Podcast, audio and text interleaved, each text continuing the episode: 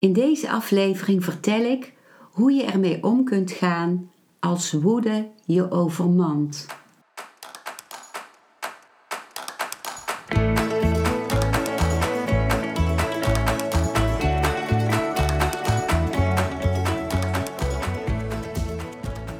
Welkom bij een nieuwe aflevering van Modita's podcast Van Pijn naar Zijn. De podcast waarin ik je meeneem voorbij de pijn in je leven naar wie je diep van binnen bent. Hoe kun je beter omgaan met je gevoelens?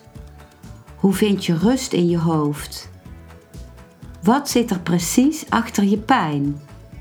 En vooral, hoe kun je steeds meer jezelf zijn? Adem eens diep in en uit. Ik wens je veel luisterplezier.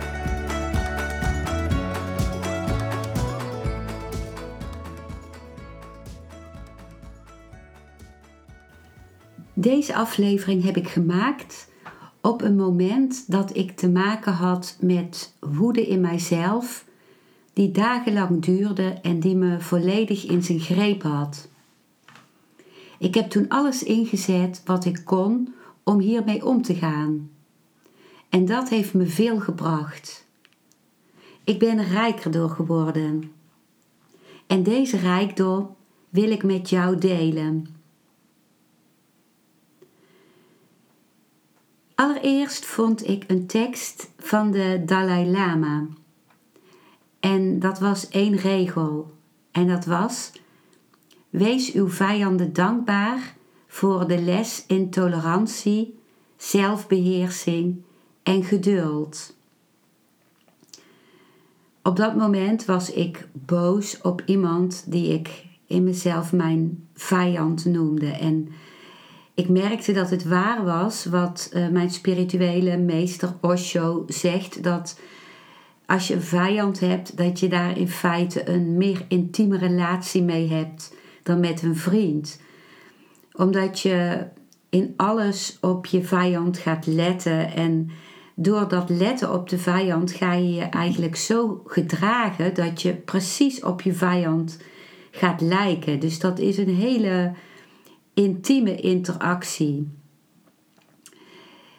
Ik heb die zin uh, van de Dalai Lama toen op Facebook gepost en ik heb daar een eigen aanvulling bij gezet.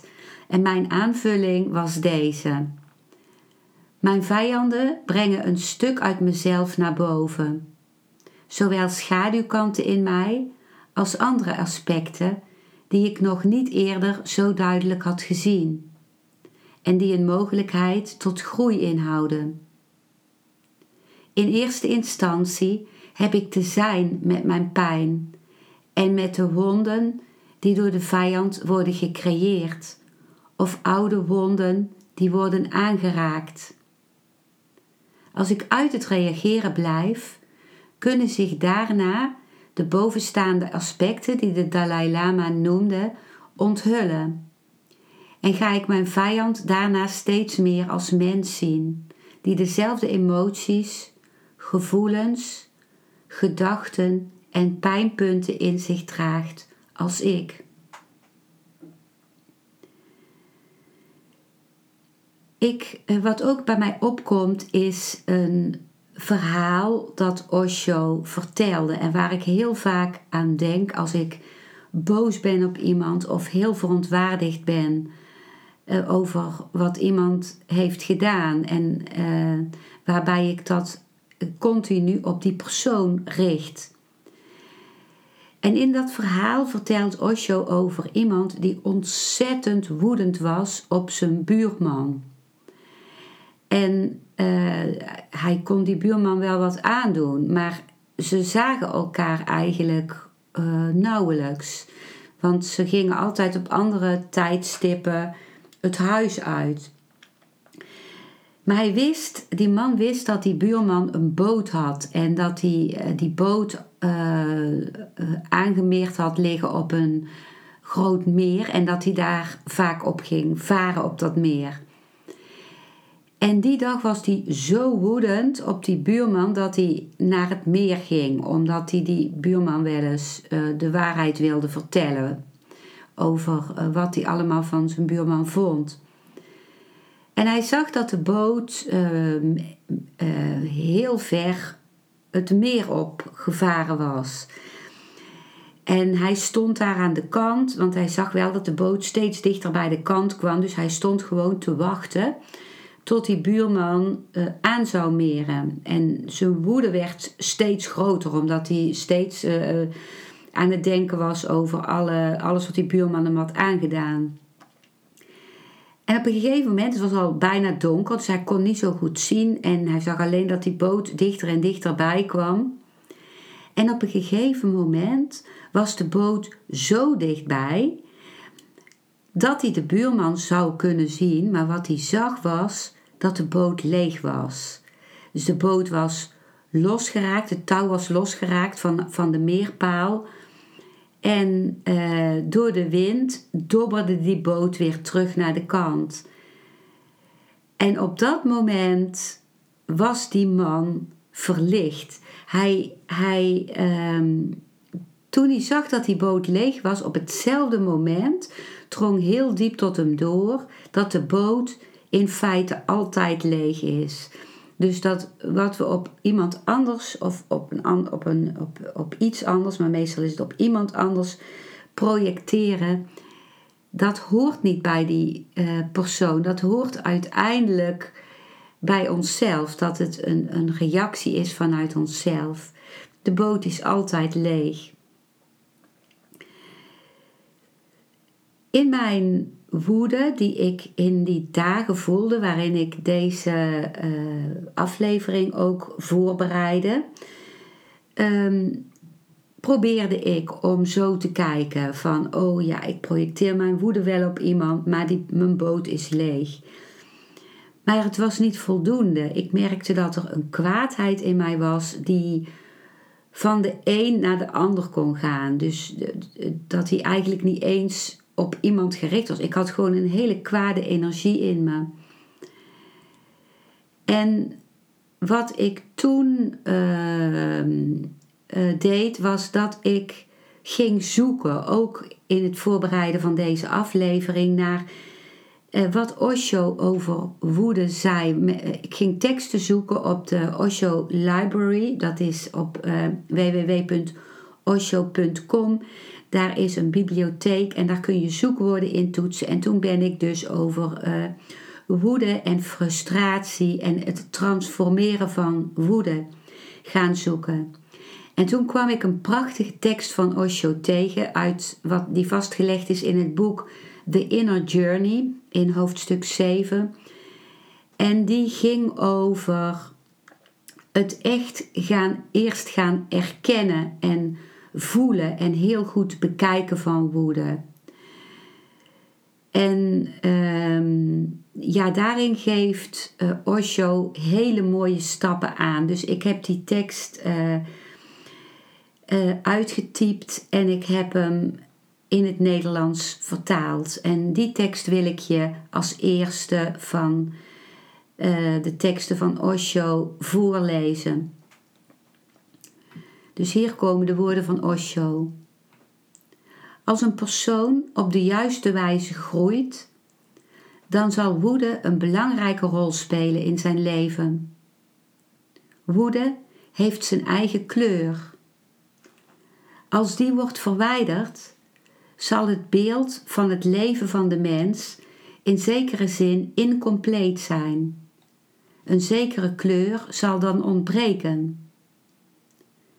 Maar van kinds af aan leer je kinderen om bepaalde eigenschappen te onderdrukken. En het resultaat van het onderdrukken van deze eigenschappen is dat het kind langzaam dat wat jij slecht noemt zal onderdrukken. Hij zal het in zichzelf onderdrukken. En een onderdrukt hart wordt zwak, omdat zijn snaren niet goed afgestemd zijn. En deze onderdrukking zal in de mind plaatsvinden, omdat jouw opvoeding niet dieper gaat dan de mind. Als je kinderen vertelt dat woede slecht is, zal deze les het hart niet raken. Het hart heeft geen oren om mee te luisteren en geen woorden om mee te denken. Deze les zal de mind ingaan en de mind kan het hart niet veranderen. Dus nu ontstaat er een probleem. Het mindcentrum denkt dat woede verkeerd is, maar het hartcentrum niet. Het heeft geen verbinding met de mind. Dus elke dag word je kwaad en elke dag heb je berouw en besluit je om niet meer kwaad te zijn. Maar de volgende ochtend word je wakker en word je weer kwaad. Je bent verrast omdat je zo vaak hebt besloten om niet kwaad te worden, maar toch gebeurt het. Je weet niet dat het centrum dat kwaad is anders is dan het mindcentrum. Het centrum dat beslist: ik zal niet kwaad zijn, is absoluut anders dan het centrum dat kwaad wordt. Het zijn twee totaal verschillende centra. Beslissingen en berouw hebben dus geen effect op je woede. Je blijft kwaad worden en krijgt er spijt van en je blijft daar dan kwaad over worden. Je begrijpt niet dat deze twee centra zo gescheiden zijn dat de beslissing die door het ene centrum wordt genomen, het andere centrum helemaal niet bereikt, zodat de mens van binnen uiteenvalt. Het hartcentrum werkt op bepaalde manieren en heeft bepaalde dingen nodig om zich te ontwikkelen. Als de mind zich met dat centrum bemoeit, zal het verstoord raken en chaotisch worden. Iedereens hartcentrum is absoluut chaotisch geworden, absoluut verstoord. Het eerste is zeker dat woede getransformeerd moet worden. Maar hij mag niet vernietigd worden. Dus de eerste sleutel om de snaren van het hart aan te spannen is om alle kwaliteiten van het hart te ontwikkelen. Geen van deze kwaliteiten mag vernietigd worden. Je raakt hier misschien een beetje van in de war. Moet je woede ontwikkelen? Ik zeg je dat je woede zeker moet ontwikkelen. Omdat woede op een dag getransformeerd kan worden en compassie kan worden. Anders kan er nooit compassie ontstaan. Als je het levensverhaal leest van de meest compassievolle mensen in de wereld, dan zal je ontdekken dat zij in het begin hele kwade mensen waren. Woede heeft zijn eigen waardigheid en zijn eigen trots. Volgens mijn mening zouden alle hartkwaliteiten in de mens intens en extreem ontwikkeld moeten worden. Dit zou de prioriteit moeten zijn. Alleen als er sprake is van extreme ontwikkeling, kan er sprake zijn van transformatie. Alle transformatie vindt plaats op extreme punten. Daaronder vindt geen transformatie plaats. Als water wordt verwarmd, verdampt het niet als het lauw is. Lauwwarm water is ook water, maar pas bij 100 graden, als het water zijn uiteindelijke temperatuur bereikt, vindt er een transformatie plaats en begint het water te verdampen. Water verandert bij 100 graden in stoom. Daarvoor wordt het geen stoom. Lauwwarm water wordt geen stoom. Jullie zijn allemaal lauwwarme mensen. Er kan geen transformatie plaatsvinden in je leven. Alle kwaliteiten van je mind en van je hart moeten tot het uiterste worden ontwikkeld. Alleen dan kan er een revolutie in hen plaatsvinden. Alleen dan kan er verandering komen. Wanneer woede een intensiteit heeft, kan hij omgezet worden in compassie en anders niet. Maar jullie zijn de vijanden van woede, van hebzucht, van passie. En dus, dus worden jullie alleen maar lauwarme mensen. Dan blijft het leven alleen maar lauw en kan er nooit een transformatie plaatsvinden. Deze lauwheid heeft een enorm schadelijk effect gehad op de mens. In mijn visie is het eerste dat begrepen moet worden dat alle kwaliteiten van je persoonlijkheid, van je hart, zich op de juiste manier moeten ontwikkelen. Intense woede heeft een eigen schoonheid, die je misschien niet duidelijk is. Intense woede heeft een uitstraling, een energie, een betekenis. Hij draagt op zijn eigen manier bij aan de persoonlijkheid. Alle gevoelens van het hart zouden intens ontwikkeld moeten worden. Het eerste punt is dus dat de kwaliteit van het hart ontwikkelt en niet vernietigd moeten worden. Wat is het tweede punt?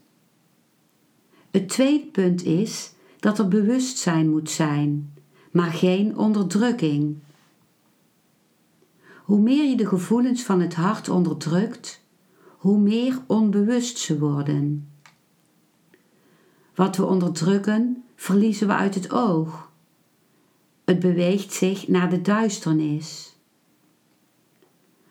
Alle energieën van het hart moeten duidelijk worden bekeken. Als je kwaad bent, probeer het dan niet te onderdrukken door Rama Rama te zingen. Als je kwaad bent, ga dan alleen in een kamer zitten, sluit de deur en mediteer op de woede. Zie de woede volledig. Wat is deze woede? Wat is de energie van deze woede? Waar komt deze woede vandaan? Waarom ontstaat hij? Hoe omringt hij mijn mind en beïnvloedt hij mij? Mediteer terwijl je alleen bent op woede. Zie de woede volledig. Begrijp hem. Herken hem. Van waar komt hij op? Waarom komt hij op? Dan zal je geleidelijk aan een meester van woede worden. En de persoon die een meester van zijn woede wordt, heeft grote sterkte, grote kracht. Hij wordt sterk. Hij wordt een meester van zichzelf. Het is dus niet een kwestie van vechten met de woede. Het is een kwestie van het kennen van de woede. Want onthoud, er is geen grotere energie dan weten. En er is geen grotere domheid dan vechten met je eigen energieën. Een persoon die aan het vechten is met zijn eigen energieën, begaat dezelfde fout als iemand die worstelt met zijn eigen handen. Als de ene hand worstelt met de andere, dan zal geen van beide handen ooit in staat zijn om te winnen omdat ze beide deel uitmaken van dezelfde persoon.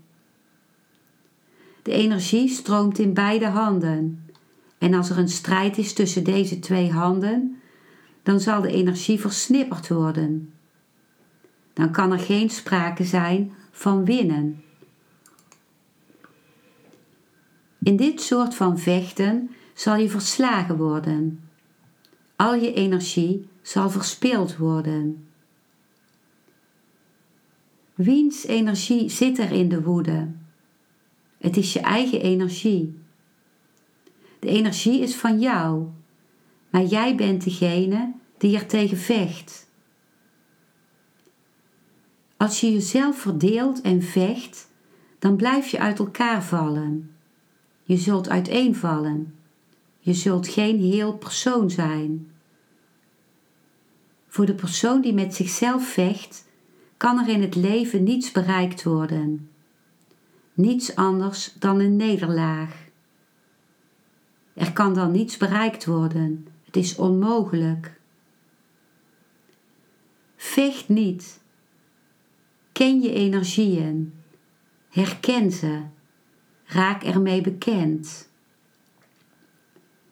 Dus het tweede punt is geen onderdrukking, maar bewustzijn. Onderdruk niet.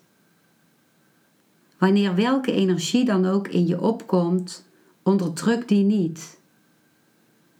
Je bent een verzameling onbekende energieën. Jij bent het centrum van energieën die heel onbekend zijn, waar je niet mee bekend bent, waarvan je je niet bewust bent. Weten maakt je een meester. Binnenin jou schitteren veel energieën die groter zijn dan elektriciteit. Ze schijnen. Er gloeit woede, er gloeit haat, er gloeit liefde. Je wordt bang voor wat er gebeurt omdat je niet weet wat al deze energieën zijn. Maak van je leven een innerlijk laboratorium en begin al deze innerlijke energieën te leren kennen.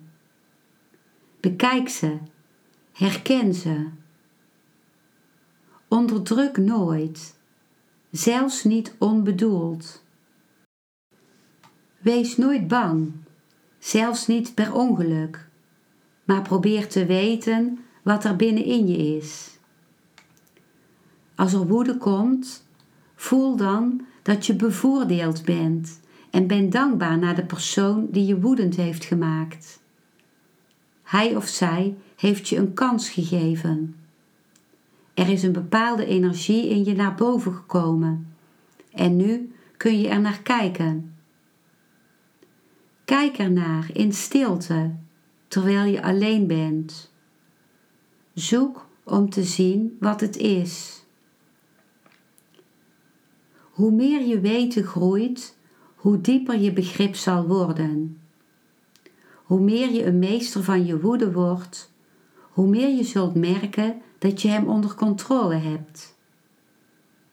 De dag dat je de meester van je woede wordt, zal de dag zijn dat je hem kunt transformeren. Je kunt alleen dat transformeren waar je de meester van bent. Je kunt dat waar je geen meester van bent, niet veranderen. En onthoud, je kunt nooit een meester worden van iets waar je mee vecht, omdat het onmogelijk is om de meester van een vijand te worden. Men kan alleen de meester van een vriend zijn. Als je een vijand wordt van de energieën in jezelf, dan kun je er nooit een meester over worden. Je kunt nooit winnen zonder liefde en vriendschap. Wees nog bang voor, nog veroordeel de oneindige schat van de energieën in jezelf. Begin te weten wat er in jou verborgen is.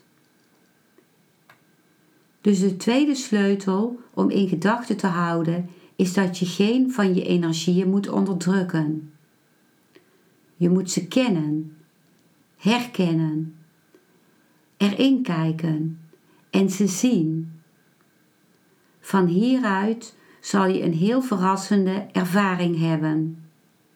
Als je probeert te kijken naar woede, als je stil zit en er diep in kijkt, dan zal de woede verdwijnen.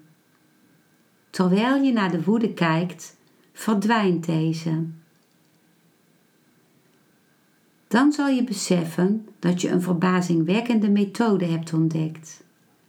Je zal, je zal ontdekt hebben dat woede, seks en hebzucht alleen macht over je hebben in je onbewustzijn. Door ze gade te slaan, door er bewustzijn naartoe te brengen, verdwijnen ze allemaal. Ik had een vriend die een probleem had met woede. Hij zei: Ik word er erg door verstoord. En hoezeer ligt het buiten mijn controle?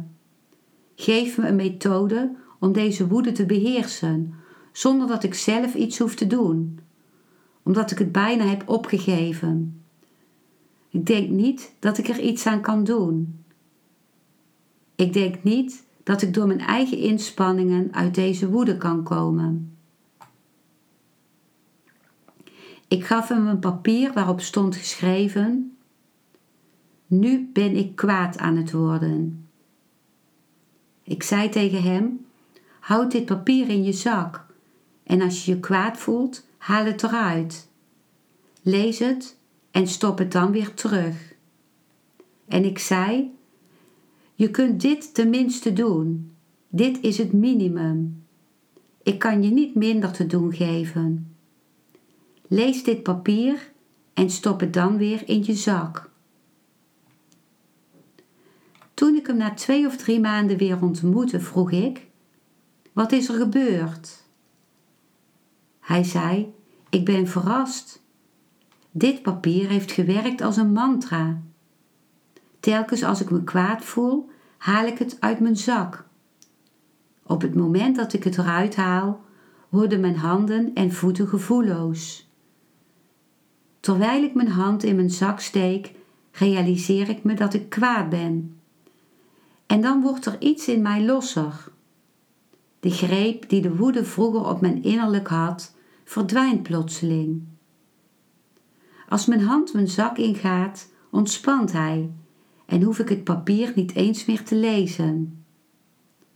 Als ik de woede voel, begin ik het papier in mijn zak te zien. Hij vroeg me: Hoe heeft het papier dit effect gehad? Wat is het geheim? Ik zei: Hiervoor is geen geheim. Het is simpel. Wanneer je niet bewust bent, pakken de perversies, de onevenwichtigheden en de chaos van de mind je in hun greep. Maar als je bewust wordt, verdwijnt alles. Dus gadeslaan heeft twee resultaten. Ten eerste zal je kennis van je eigen energieën zich ontwikkelen. En als je ze kent, word je de meester van hen. En ten tweede, de kracht van de greep die deze energieën op je hebben, zal afnemen. Geleidelijk aan zal je merken dat eerst de woede komt en je er dan pas naar kijkt.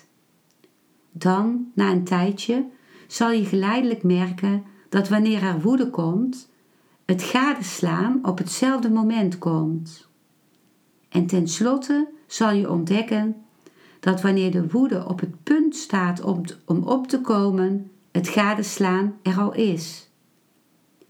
Vanaf de dag dat het gadeslaan voor de woede komt, zal er geen mogelijkheid meer zijn voor de woede om op te komen. Bewustzijn van dingen voordat ze gebeuren heeft waarde. Spijt hebben heeft geen waarde, omdat het achteraf gebeurt en er daarna niets meer aan gedaan kan worden. Achteraf huilen is zinloos, omdat het onmogelijk is om nog ongedaan te maken wat er is gebeurd. Er is geen kans om terug te gaan, geen manier, geen deur. Maar wat nog niet is gebeurd, kan worden veranderd. Spijt hebben is gewoon pijn ervaren nadat iets is gebeurd. Het is zinloos. Het is absoluut onintelligent. Je werd kwaad en dit was een fout en nu heb je spijt. Dit is nog een fout. Je raakt onnodig verstoord. Het heeft geen waarde.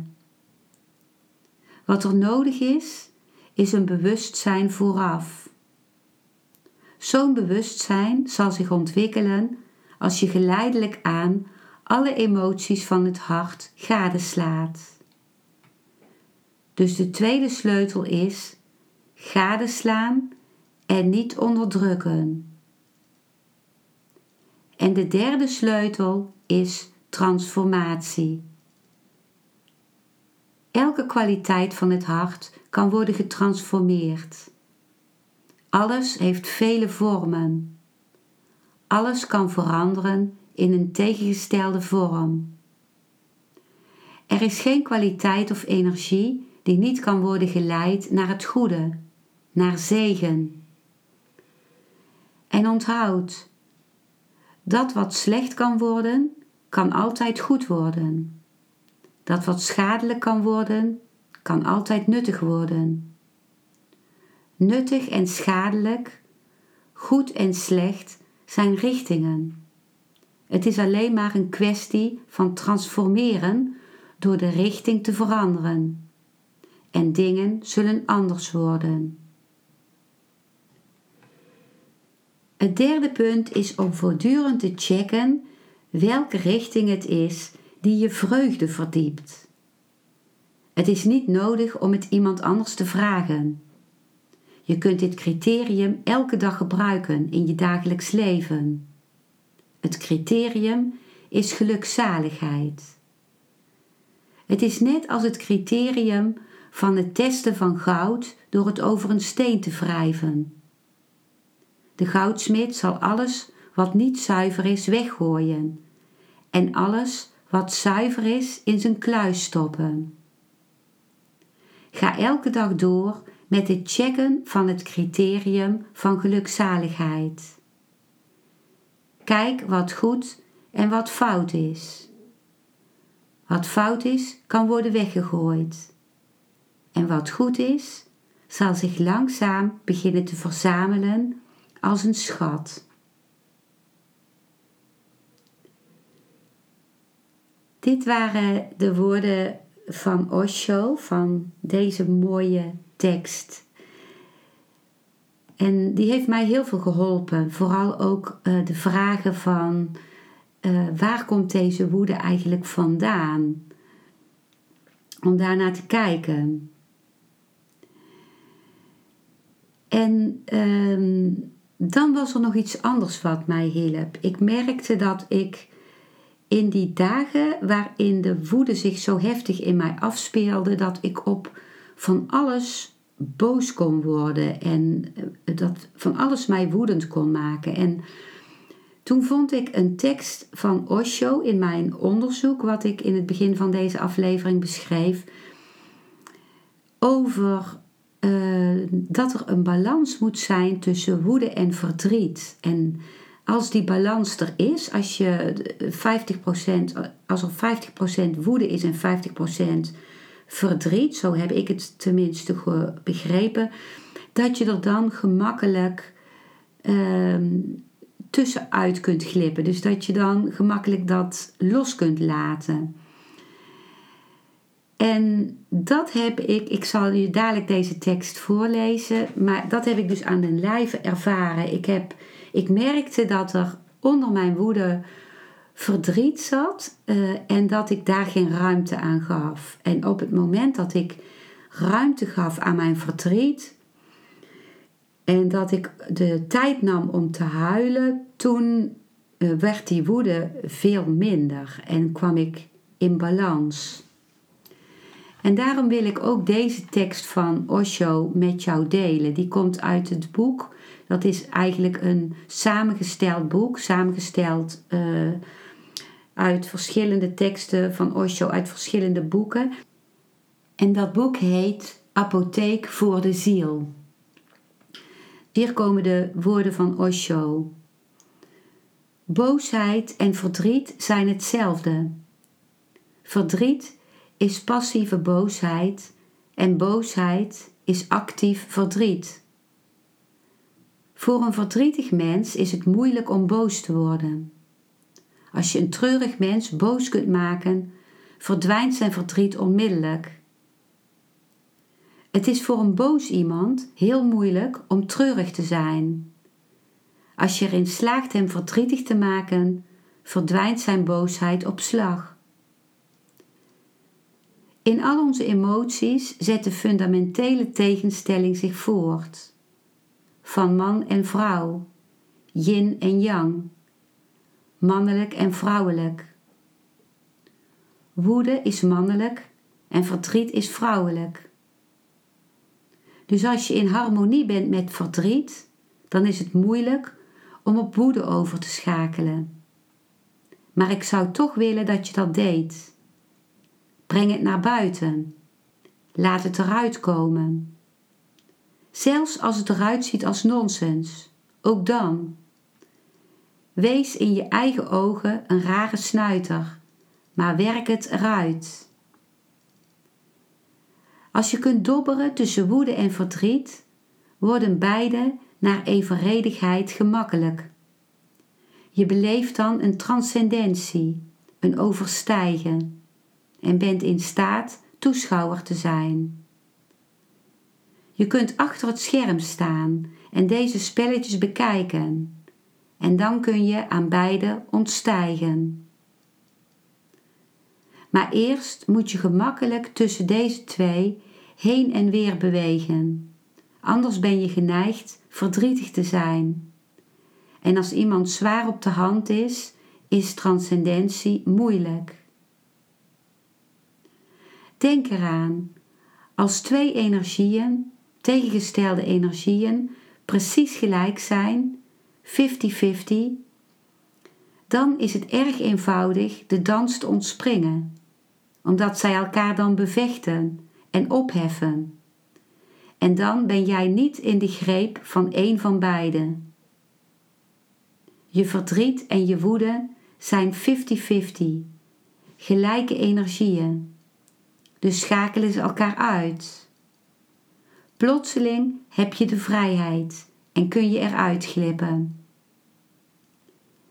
Maar als verdriet 70% uitmaakt en woede 30%, dan is het heel moeilijk. 30% woede in tegenstelling tot 70% verdriet betekent dat er nog 40% verdriet overblijft. En dan is het niet mogelijk. Je bent niet in staat er gemakkelijk tussenuit te glippen. Die 40% blijft rondhangen. Dus dit is een van de fundamentele wetten waar het innerlijke energieën betreft. Laat tegengestelde uitersten altijd tot een gelijke positie komen.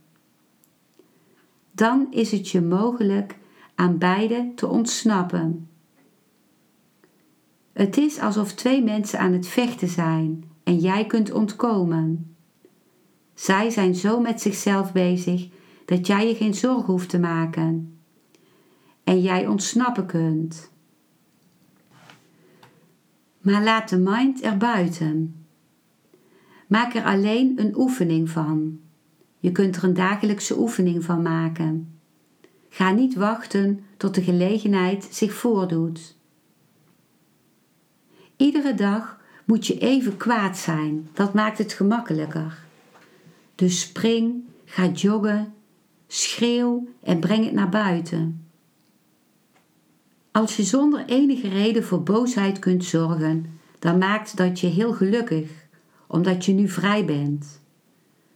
Anders wordt zelfs woede door situaties beheerst en ben jij er geen meester over. Als je woede niet tevoorschijn kunt halen, hoe kun je haar dan laten varen? In het begin lijkt het een beetje lastig.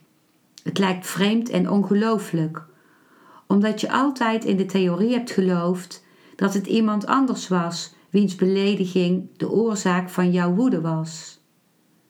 Dat is niet waar. Er is altijd al woede geweest.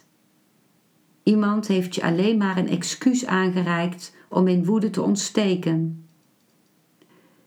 Je kunt jezelf een excuus bezorgen. Stel je een situatie voor waarin je woest zou zijn geweest en word dan ook woest. Praat tegen de muur en zeg lelijke dingen en het duurt niet lang of de muur dient je van repliek. Ga gewoon compleet door het lint. Je moet woede en verdriet op een gelijk niveau brengen, waarop ze precies aan elkaar evenredig zijn. Ze gaan elkaar dan elimineren en jij kunt er tussenuit knijpen. George Gurdjieff noemde dit gewoonlijk de manier van de sluwe kerel. Innerlijke energieën tot een zo hoog conflict opstuwen dat zij samen aan de gang gaan elkaar uit te schakelen en jij de gelegenheid hebt te ontkomen. Dat was de tekst van Osho, waar ik dus ook veel aan gehad heb. Door uh, uh, ja, mijn verdriet omhoog te halen toen ik zag dat ik te eenzijdig in de woede zat. En als laatste en uh, in mijn leven belangrijkste uh, manier om om te gaan met woede is uh, de Osho-dynamische meditatie. Dat is een meditatie waarin je de kans krijgt om je emoties naar boven te brengen, die te ontladen en die te transformeren in stilte en in vreugde. Het is een meditatie die voor mijn leven het allerbelangrijkste is geweest. En uh, in mijn Engelse podcast, uh, From Pain to Being, heb ik aflevering 24 uh, aan deze meditatie gewijd. En in deze Nederlandse podcast, Van Pijn naar Zijn, zal ik niet de volgende aflevering, maar de aflevering daarna, dus aflevering 47, daaraan wijden. Dit is wat ik met je wilde delen over manieren om om te gaan met woede. Dankjewel voor het luisteren naar deze aflevering. Ik hoop dat hij je een nieuw inzicht of perspectief heeft gegeven. Ik hou van interactie, dus als je iets wilt delen, stuur me dan een mailtje op info@genietenvanmeditatie.nl. Ik geef je dan altijd antwoord. Ik wens jou dat je vreugde in het dagelijks leven zult ervaren en innerlijke rust. En dat je steeds meer je pijn zult kunnen omvormen in zijn. Je kunt de afleveringen van deze podcast volgen via Spotify, Google Podcast, Apple Podcast en Podbean door op de volg- of abonneerknop te klikken. Als je luistert via de Apple Podcast, dat kan alleen als je een iPhone hebt, heb je een extra voordeel. Omdat als je op de knop abonneren klikt, je steeds een berichtje op je mobiele telefoon ontvangt als er weer een volgende aflevering van mijn podcast verschijnt. Je bent van harte welkom bij die volgende aflevering.